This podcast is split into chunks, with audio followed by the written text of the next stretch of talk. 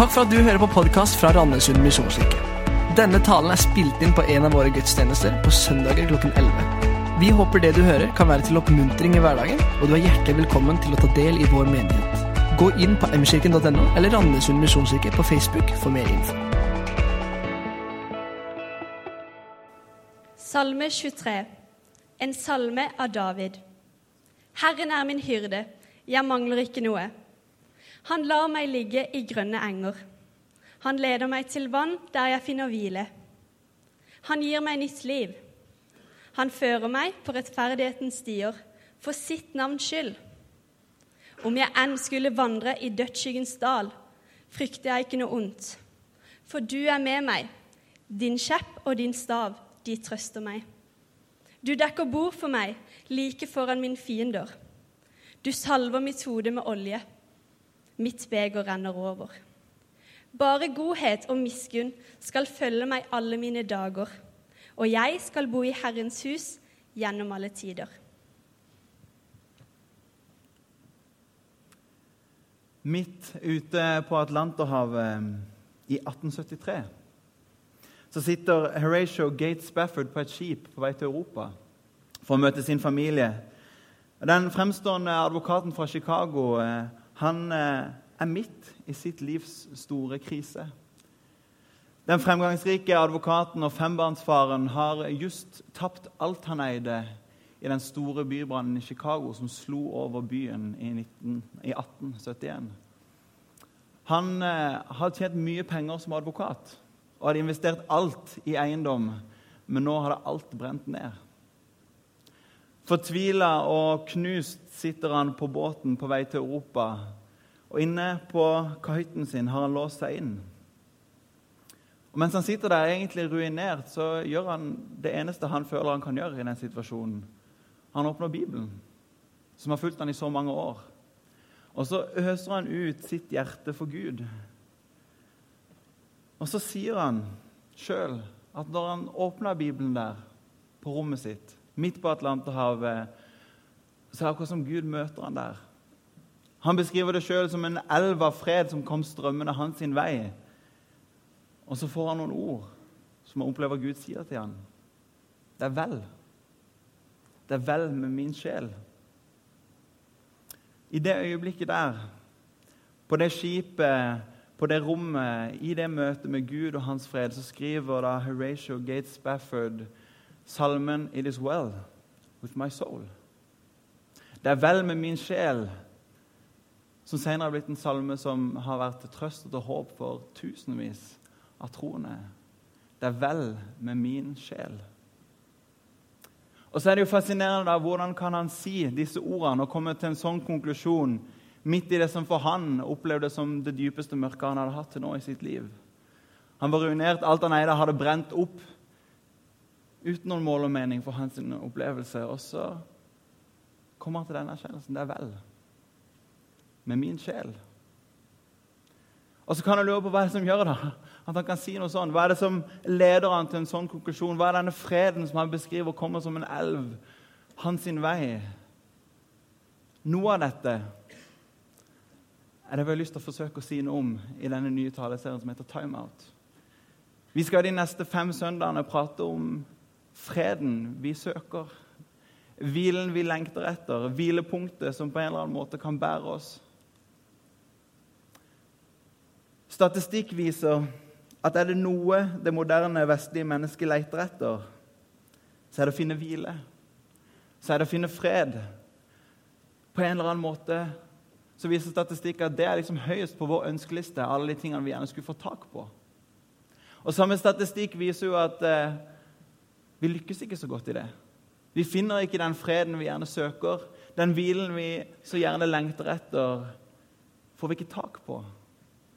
Og så beskriver mange at livet ender opp som et sånn slitsomt kav. Og man er på mange måter i villrede i sitt eget liv. Det fins en fred. Det er vel med min sjel. Eller som David sier det, 'Herren er min hyrde. Jeg mangler ingenting'. Vi skal de neste fem søndagene forsøke å sette fokus på akkurat dette. Denne freden som kommer, dette hvilepunktet det går an å finne. Og så setter vi fokus på Salme 23, som du hørte lest fra Amalie nå just i stad. Og Den skal vi faktisk lese i sin helhet hver gang. For vi tror at det ligger noe her som formidler noe som vi trenger. Og Salme 23 er jo en salme som mange kjenner veldig godt. Så Det er kanskje den som er mest lest og mest elska og mest sunget og mest bedt av alle salmer som vi har. Og så tror jeg likevel at noe av faren og utfordringen kan være når vi kjenner den teksten så godt. At vi har en tendens til å på en måte ikke helt lande i hva det er en egentlig formidler, for vi leser så kjapt igjennom. Vi kjenner ordene, vi vet hva som står, men det ligger noe her som vi trenger å få tak på. Det ligger noe i denne teksten som vi ønsker å sette fokus på. Og det håper jeg vi skal klare. Hvis det kan være sånn at vi kan få lov til å lene oss tilbake litt og løfte blikket mot den Guden som ønsker å gi oss fred, så hadde det vært bra. Vi starter i dag med å se på det første verset av salmen. Herren er min hyrde. Jeg mangler ikke noe. Herren er min hyrde. Jeg mangler ikke noe. Jeg har lyst til å be. Herre Jesus, takk for at du er her. Takk for at du er her sammen med oss. Og så er det det som gjør eh, at vi ikke bare er en samling mennesker, men du er her midt iblant oss. Og så er det det vi samles om, Herre. Det er det vi tilber. Og så er det det vi ønsker å høre fra. Jeg har lyst til å be Jesus om at eh, dine ord må få lov til å skape noe i oss i dag. Må få lov til å høre deg. Jeg takker deg for at du vet hva som foregår i våre liv. Du vet om vi er på høyden eller på dypet, og så har jeg lyst til å be om at du skal se til oss, og at ditt ord må få lov å skape noe i våre liv. Jeg ber om det i Jesu navn. Amen. Vi skal ta for oss verset 'Herren er min hyrde'. Jeg mangler ikke noe. Og For å pakke ut det verset så skal vi også ta turen til Det nye testamentet, til en tale som Jesus holdt. Denne metaforen, eller dette bildet om Herren som hyrde, om Gud som en hyrde, ble brukt gjennom hele Bibelen. Vi finner det først i første Mosebok. Men Jesus han bruker det faktisk om seg sjøl. Hvis vi følger Johannes, sin, hans siste offentlige tale til folket. Og I Johannes 10 så skal vi lese sammen hvor Jesus sier Jeg er den gode gjeteren. Den gode gjeteren gir sitt liv for sauene. Men den som er leirkar og ikke gjeter, og selv ikke eier sauene, han forlater dem og flykter når han ser ulven komme, for ulven kaster seg over dem og sprer flokken. For han er bare leirkar og har ingen omsorg for sauene. Jeg er den gode gjeteren. Jeg kjenner mine, og mine kjenner meg. Slik far kjenner meg, og jeg kjenner far. Jeg gir mitt liv for sauene. Jeg har også andre sauer som ikke hører til denne flokken, og som jeg må lede. De skal høre min stemme, og det skal være én flokk og enigheter. Far elsker meg fordi jeg gir mitt liv for siden å ta det tilbake. Ingen tar mitt liv. Jeg gir det frivillig. For jeg har makt til å gi det, og har makt til å ta det tilbake. Dette er oppdraget jeg har fått av min far. Det er mange ting jeg kunne sagt om Salme 23 og denne teksten her, hvor vi skal forsøke å være framover. Men det er tre ting som jeg har lyst til å sette fokus på i dag. Tre ting jeg har lyst til å si som forhåpentligvis kan være betydning, som forhåpentligvis kan være til oppmuntring og kanskje til utfordring for oss. Og Det første er dette Herren er ikke en hvilken som helst hyrde, men han er din hyrde. Herren er ikke en hvilken som helst hyrde, men han er din hyrde. Og jeg har lyst til å legge nesten litt trykk på det og si at Herren er din hyrde. For jeg er redd for at det av og til går litt sånn inflasjon i disse ordene som vi har hørt så mange ganger. Det er et kjent bilde for oss. Herren er din hyrde. Vi hører det i mange sammenhenger. Herren er din hyrde. Og så har jeg lett for å se for meg David, som har skrevet denne salmen. Unge gjetergutten liggende liksom i enga, og så tenker han på Gud, eller så konkluderer han Herren er min hyrde. Jeg mangler ingenting. Jeg ser det for meg i hodet mitt, men når vi leser en del forskere, en del bibelforskere på denne teksten, så tenker vi at denne teksten er egentlig ikke skrevet når David var ung. Sannsynligvis er han skrevet helt på slutten av David sitt liv. Og Sannsynligvis i den perioden hvor David faktisk må rømme fra Jerusalem for han blir forfulgt av sin sønn, som heter Absalom. Absalom han gjør opprør mot kong David, som er konge i Jerusalem, og David, kongen, altså må faktisk flykte for sitt eget liv fordi sønnen jager han av gårde. Han lever i skjul på flukt fra sin sønn. Og så mener da forskerne midt i dette, det som da kanskje Davids største krise, så sier han, 'Herren er min hyrde. Jeg mangler ingenting.' På samme måte som Horatio Spafford skriver 'Det er vel med min sjel'. Midt i sin krise så gjør David noe av det samme. Og hva er grunnen til det? Jeg vet jo at jeg hadde ikke kommet til samme konklusjon. Jeg hadde ikke sagt de samme ordene hvis det hadde skjedd med meg. Det hadde ikke vært mine første ord. Men Herren er min hyrde. Jeg mangler ingenting. Jeg tror noen av grunnen, en av grunnene kanskje, til at de kan si akkurat det, handler om dette. At Herren er ikke en hvilken som helst hyrde, men han er din hyrde. Han er din hyrde. Metaforen om Gud som hyrde ble brukt i hele Bibelen, som jeg sa, men ofte er han brukt om Gud og hans folk. Altså, Gud var folkets gjeter. Han var Israels Gud. Han var Israels hyrde, og han leda de. Han hadde omsorg for de, han var med de.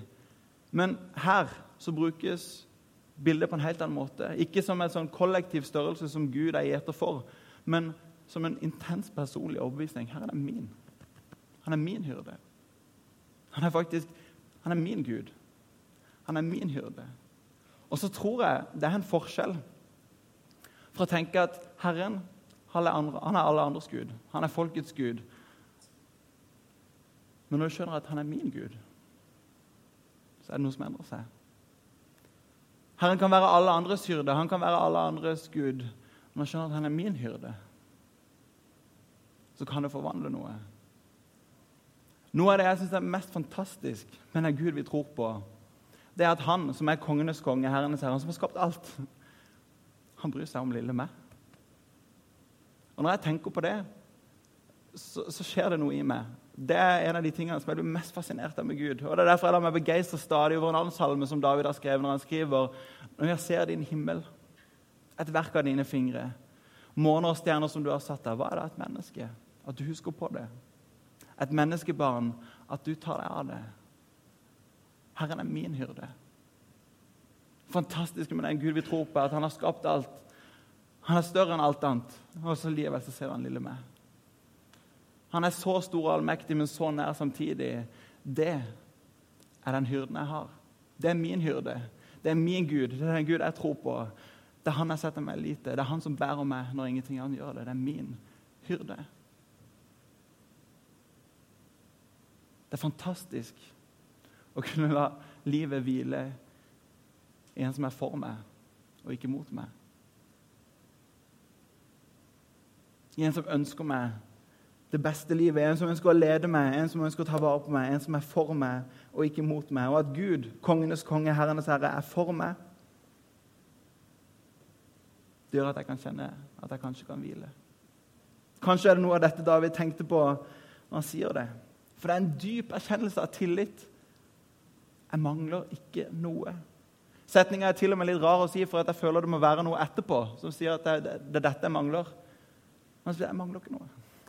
Det er en dyp erkjennelse av tillit til at jeg har Gud som er med meg, som er for meg, og ikke mot meg. Herren er min hyrde. Det er det første jeg har lyst til å si. Herren er min hyrde. Det andre er dette. Herren er ikke en hvilken som helst hyrde, men han er den gode hyrde. Han er ikke en hvilken som helst hyrde, men han er den gode hyrde. Vet, på Davids tid og på Jesu tid så var det et kjent bilde å prate om hyrden, flokken, sauene. Og på mange måter er det et bilde vi kjenner til. Selv om jeg må innrømme at jeg aldri har sett en gjeter i mitt liv, tror jeg. Jeg kan ikke så mye om sauer heller, men vi kjenner bildet. ikke sant? Vi, vi ser for oss da, ikke sant? en hyrde som tar vare på flokken, som har omsorg for flokken, som beskytter, som tar vare på dem. Og så skjønner vi også at sauen den er jo egentlig ganske hjelpeløs sånn i det store og det hele. Han går seg vill og, og trenger liksom tilsyn. Vi skjønner bildet. Og vi skjønner at du skal fortelle at Gud er god. Gud har omsorg for oss. Gud vil oss det beste. Han beskytter, han bevarer, han tar vare på, han har omsorg for oss. Han ser meg. Men allikevel så tror jeg at vi har en tendens til å gå glipp av noe av den godheten som hyrden kommer med. Jeg har veldig sansen for Jens Petter Jørgensen sine ord, forkynneren, som sier du har mye til gode hos Gud. Du har mye til gode hos Gud. Hvorfor kan han si det? Jo, for han vet jo. Vi har den gode hyrden. Jeg har en god Gud som er for meg og ikke mot meg. Jeg har en god Gud som vil meg det beste. Og Så sier han likevel du har mye til gode hos Gud. Hvorfor sier han det? Jo, for vi har en tendens til å ikke slippe Gud inn. Vi har en tendens til å holde både mennesker og Gud på avstand med fasadene vi setter opp, med maskene vi tar på oss. Det er ingen land som selger like mye tuahekker som oss. ikke sant? Vi, vi holder oss på avstand fra både Gud og mennesker, og så setter vi opp disse skillene. Vi kan legge livet vårt i manges hender, vi kan ta livet i egne hender. Men vi sliter av og til med å legge livet vårt i Guds hender. Og så sier Jens Petter du har mye til gode fra Gud. Du har mye til gode fra Gud. Hvorfor? For på en eller annen måte slipper vi han ikke inn.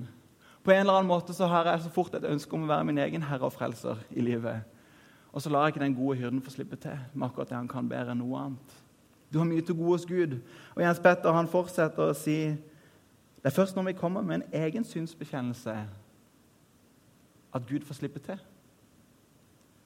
Og Vi må la Guds ressurser få lov til å møte livene våre sånn som de faktisk er. For noen år siden så var jeg på et arrangement og så gikk jeg til forbønn. Jeg var i en situasjon hvor jeg egentlig ønska ledelse på et spesielt område. og Så gikk jeg til forbønn og håpte kanskje at jeg skulle få noe ut av det. Og Så setter jeg meg ned, og så er det ei som skal be for meg. og så Etter å ha bedt litt, så ser jeg liksom på ansiktet hennes at nå har hun noe hun vil si. Og så sier hun til meg at eh, jeg, har, jeg tror jeg har et ord til fra Gud. Men så kunne jeg se på henne at hun, hun vegra seg litt for å si hva det var. Og så begynner hun å forklare at um, jeg, har Gud, jeg, har et ord fra Gud til deg. Men, men det er en smule snålt, sier hun. Men du skal få det livet, så må du ta det for det du er. Så sier hun jeg har to ord. Feig sau. Feig sau, sa hun. Så tenkte jeg det var akkurat det jeg trengte i den situasjonen når jeg søker Guds ledelse. Så hvis du først skulle velge et dyr, så velger du ikke sau vet du, hvis du skal gi et bra ord. Sånn, løve eller bjørn. Det ville vært, vært saker. Men sau Og så I tillegg var han feig, vet du. Han var ikke modig heller. Men så forklarer hun meg, da. Gud ønsker at du skal være en feig sau. Feig sau. Sauen er egentlig hjelpeløs på mange måter. Han trenger tilsyn. Sauen har ingen kule triks. Han er på en måte avhengig av hyrden. Og så vil den modige sauen kanskje forsøke å fikse ting på egen hånd, men den feige sauen han skjønner på en måte sin begrensning. Den feige sauen skjønner sin avhengighet til hyrden, og så innser han på en måte sin stilling. Og hva er det den feige sauen gjør? Jo, han holder seg nær til hyrden. Han holder seg nær til den som eh, som leder han. Han holder seg nær til den som trøster han, holder seg nær til den som tar vare på han, han holder seg nær til den som har omsorg for han. Han innser sin stilling overfor Gud og sier at det, det er han jeg trenger. Det er der jeg holder med. Det er der mitt liv kan blomstre, ikke mine egne hender, men i hendene på den gode hyrden. Den gode hyrden som er for meg og ikke mot meg. Der kan mitt liv få lov til å vanne. En feig sau.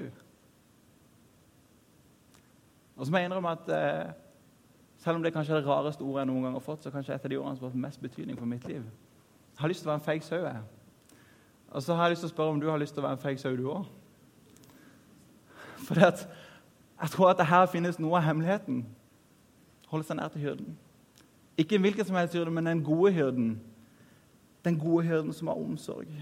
Og så er det faktisk sånn at når vi lar Gud slippe til, når han kan få rom i mitt liv på en eller annen måte når jeg faktisk kommer til Gud og sier akkurat sånn er det. Verken mer eller mindre. Sånn er det å være Marius. Akkurat sånn er Akkurat sånn er mitt liv. Da kan jeg, som Jens Petter sier, få lov til at Guds ressurser møter mitt liv akkurat sånn som det er. Akkurat sånn som det er, kan Guds godhet, Guds omsorg, Guds nåde, Guds kjærlighet, Guds tilgivelse, alt det gode han har å komme med, kan få møte mitt liv akkurat sånn som det er.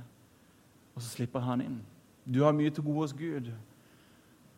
For det er ikke en hvilken som helst hyrde vi tror på, men det er en god hyrde. Men det siste jeg har lyst til å si, er dette. Det er ikke hvilken som helst hyrde vi har med å gjøre, men det er den hyrden som gir sitt liv for sauene. Det er den hyrden vi tror på, den som gir sitt liv for sauene. I teksten vi leste, så sammenligner Jesus seg med han er den gode hyrden, og så snakker han om disse leiekarene. Disse leiekarene som ikke eide flokken sjøl, men som var leid inn for å gjøre jobben. Som var leid inn for å, for å tjene pengene. Og Så setter han opp en kontrast mellom seg sjøl og leiekarene. Så sier han leiekarene har ikke samme omsorg for sauene. Hvorfor har de ikke det? Jo, det kan virke som Jesus sier at de er liksom leid inn for å gjøre jobben. Og deres interesse, deres fokus, er egentlig ikke sauene, det er jo lønna de kommer til å få. De er leid inn for å gjøre jobben. Deres interesse, deres fokus er ikke sauene, men lønna. Men Jesus er helt motsatt. Jeg har lyst til å si at Jesus har ingen baktanke med den kjærligheten han tenker å gi deg. Jesus har ingen baktanke med den godheten han ønsker å overøse ditt liv med. Jesus kommer ikke med noen betingelser. Jesus er ikke interessert i hva du kan gi han. Men han ga alt for deg. Jesus er ikke interessert i hva du kan gi ham. Han er ikke interessert i lønna, men han har omsorg for sauene. Han er først og fremst ikke interessert i hva du kan gi ham. Men så kan vi få lov til å få tak på noe av det han har gitt oss. Og Det store med den teksten vi leser, det er jo Jesus som sier at 'jeg gir mitt liv'. Jeg gir mitt liv for sauene. Vet, hvis en gjeter i Midtøsten, i Israel, mista sitt liv i beskyttelse for sauene, så ville det regnes som en ulykke. Altså, Det vil regnes som katastrofe hvis en gjeter mister sitt liv. Man planlegger ikke for å miste livet for sauene og gi sitt liv for sauene. Man planlegger å leve for sauene og skal beskytte dem. Mens Jesus har en hensikt. Det virker som han har en plan med å gi sitt liv Vet du, Katastrofe ikke bare sett på som en ulykke, men det var katastrofe for sauene hvis hyrden mister sitt liv. Da kommer ulven over, sprer flokken seg, alt sammen. Men leirkaren så er det katastrofe når hyrden mister sitt liv. Men den hyrden vi tror på, så blir det ikke til katastrofe, det blir til seier, det blir til liv, det blir til liv i overflod. Når vår hyrde gir sitt liv, ikke fordi han må, men han gir det frivillig det er denne hyrden vi får lov til å tro på. Hyrden som gir sitt liv, hyrden som gir alt til oss, sitt eget liv. Det er den omsorg vi mottar. Kanskje er det noe av dette som gjør at David kan si 'jeg mangler ingenting'. Jeg mangler ingenting. Herren er min hyrde. Når han sier det, så er det ikke fordi han har alt han trenger, sånn materielt sett. Jeg sa jo innledningsvis at det, han var på flukt fra sin sønn flukt for sitt liv. Og likevel sier han jeg mangler ingenting. Og Jeg tror faktisk at det er mulig at vi kan få oppleve at når jeg har Gud, så har jeg alt. Hvorfor? Jo, for det er en hyrde som har gitt alt for meg.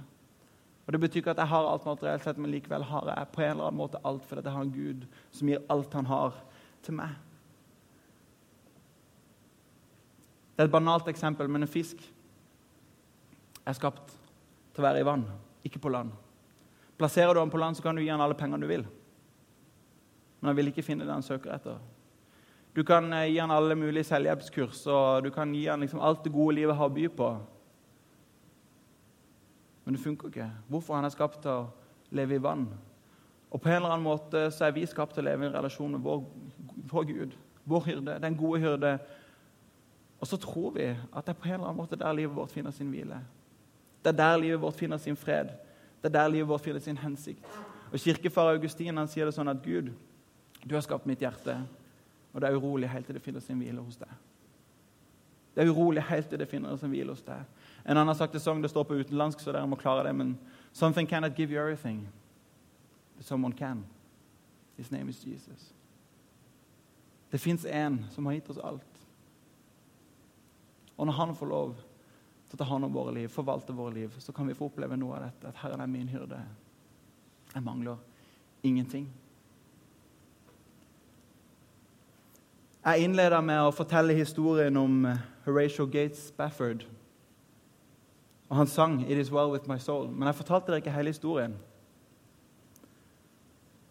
Sangen ble skrevet faktisk etter en rekke traumatiske hendelser i Spafford sitt liv. Jeg nevnte at Spafford han eide mye, og så ble alt brent ned i bybrannen i Chicago. Og Den fremgangsrike advokaten han mista ikke bare formuen i den brannen, men han mista også sin to år gamle sønn. Etter bybrannen så forsøker Spafford å få livet på beina igjen på en eller annen måte, både som familieliv og økonomisk. Men to år seinere slår det en økonomisk krise innover USA. Og så går bare alt som om det ikke var lenger ned, så går det enda lenger ned. Den økonomiske krisa slår inn i Ø73, hvor han og familien har planlagt en tur til Europa. Men pga. den økonomiske krisen så blir han igjen og endrer planene litt sånn i siste liten og sender familien av gårde på båten til Europa. og Så blir han igjen for å forsøke å redde noe av all den eiendommen og alle de investeringene som han har gjort, som holder på å gå rett vest. Midt ute på Atlanteren, med båten til familien til Spafford, så møter han et annet skip som det skipet kolliderer med. Og skipet synker, og alle Spaffords fire døtre drukner. Bare kona overlever. Når kona kommer fram, så sender hun et telegram til Spafford som er blitt ganske berømt. Som egentlig bare starter med to ord. 'Saved alone'. Spafford hadde mista alt. Ikke bare pengene sine, men han hadde mista alle barna han hadde. Kort tid etterpå så drar Spafford mot Europa for å møte sin kone. Og Det tar mange dager over Atlanteren med båten, og en kveld så inviterer kapteinen Spafford opp. Og Så forteller han at akkurat nå passerer vi der skipet med dine fire døtre gikk ned. Og helt fortvila og knust så løper Spafford ned til kahytten. Han låser seg inn og øser ut sitt hjerte for Gud. Det eneste han gjør i situasjonen, det eneste han visste, var at 'jeg tror på en Gud'. Og han åpner Bibelen, som har fulgt han i alle disse årene. Så leser han. Så beskriver han sjøl at det kom en merkelig trøst over ham. En fred renner som en elv, kom min vei. Og så fikk jeg to ord. Det er vel. Det er vel med min sjel. Det er vel. Det er vel med min sjel. Og så skjønner jeg ikke hvordan han kan si det. Hvordan han kan skrive en hel sang som blir til den verdenskjente salmen It is well with my soul, akkurat på det stadiet. Men midt i dødsskyggens dal så har han funnet en eller annen fred. Midt i det mørkeste mørket så har han funnet en hvile.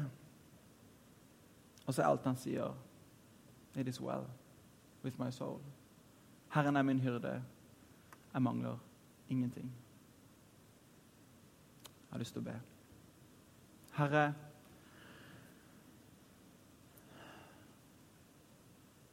jeg takker deg for at du er den gode hyrde.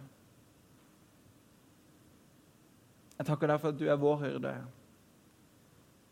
Jeg takker deg for at det kan være en personlig bekjennelse at du er min hyrde. Du har omsorg for oss.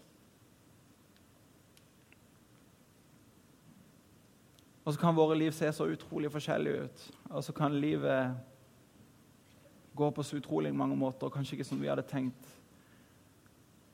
Og så har jeg lyst til å be om at vi skal få erfare, Herre, at du er det hvilepunkt, at du er den fred som faktisk bærer gjennom alt livet kan komme med. Og du er den hyrde som aldri forlater meg, som aldri svikter. Og du ga ditt liv for oss. Herre, hjelp oss å ta imot, hjelp oss å slippe deg inn. Alt det gode vi har til gode hos deg. I Jesu navn. Amen.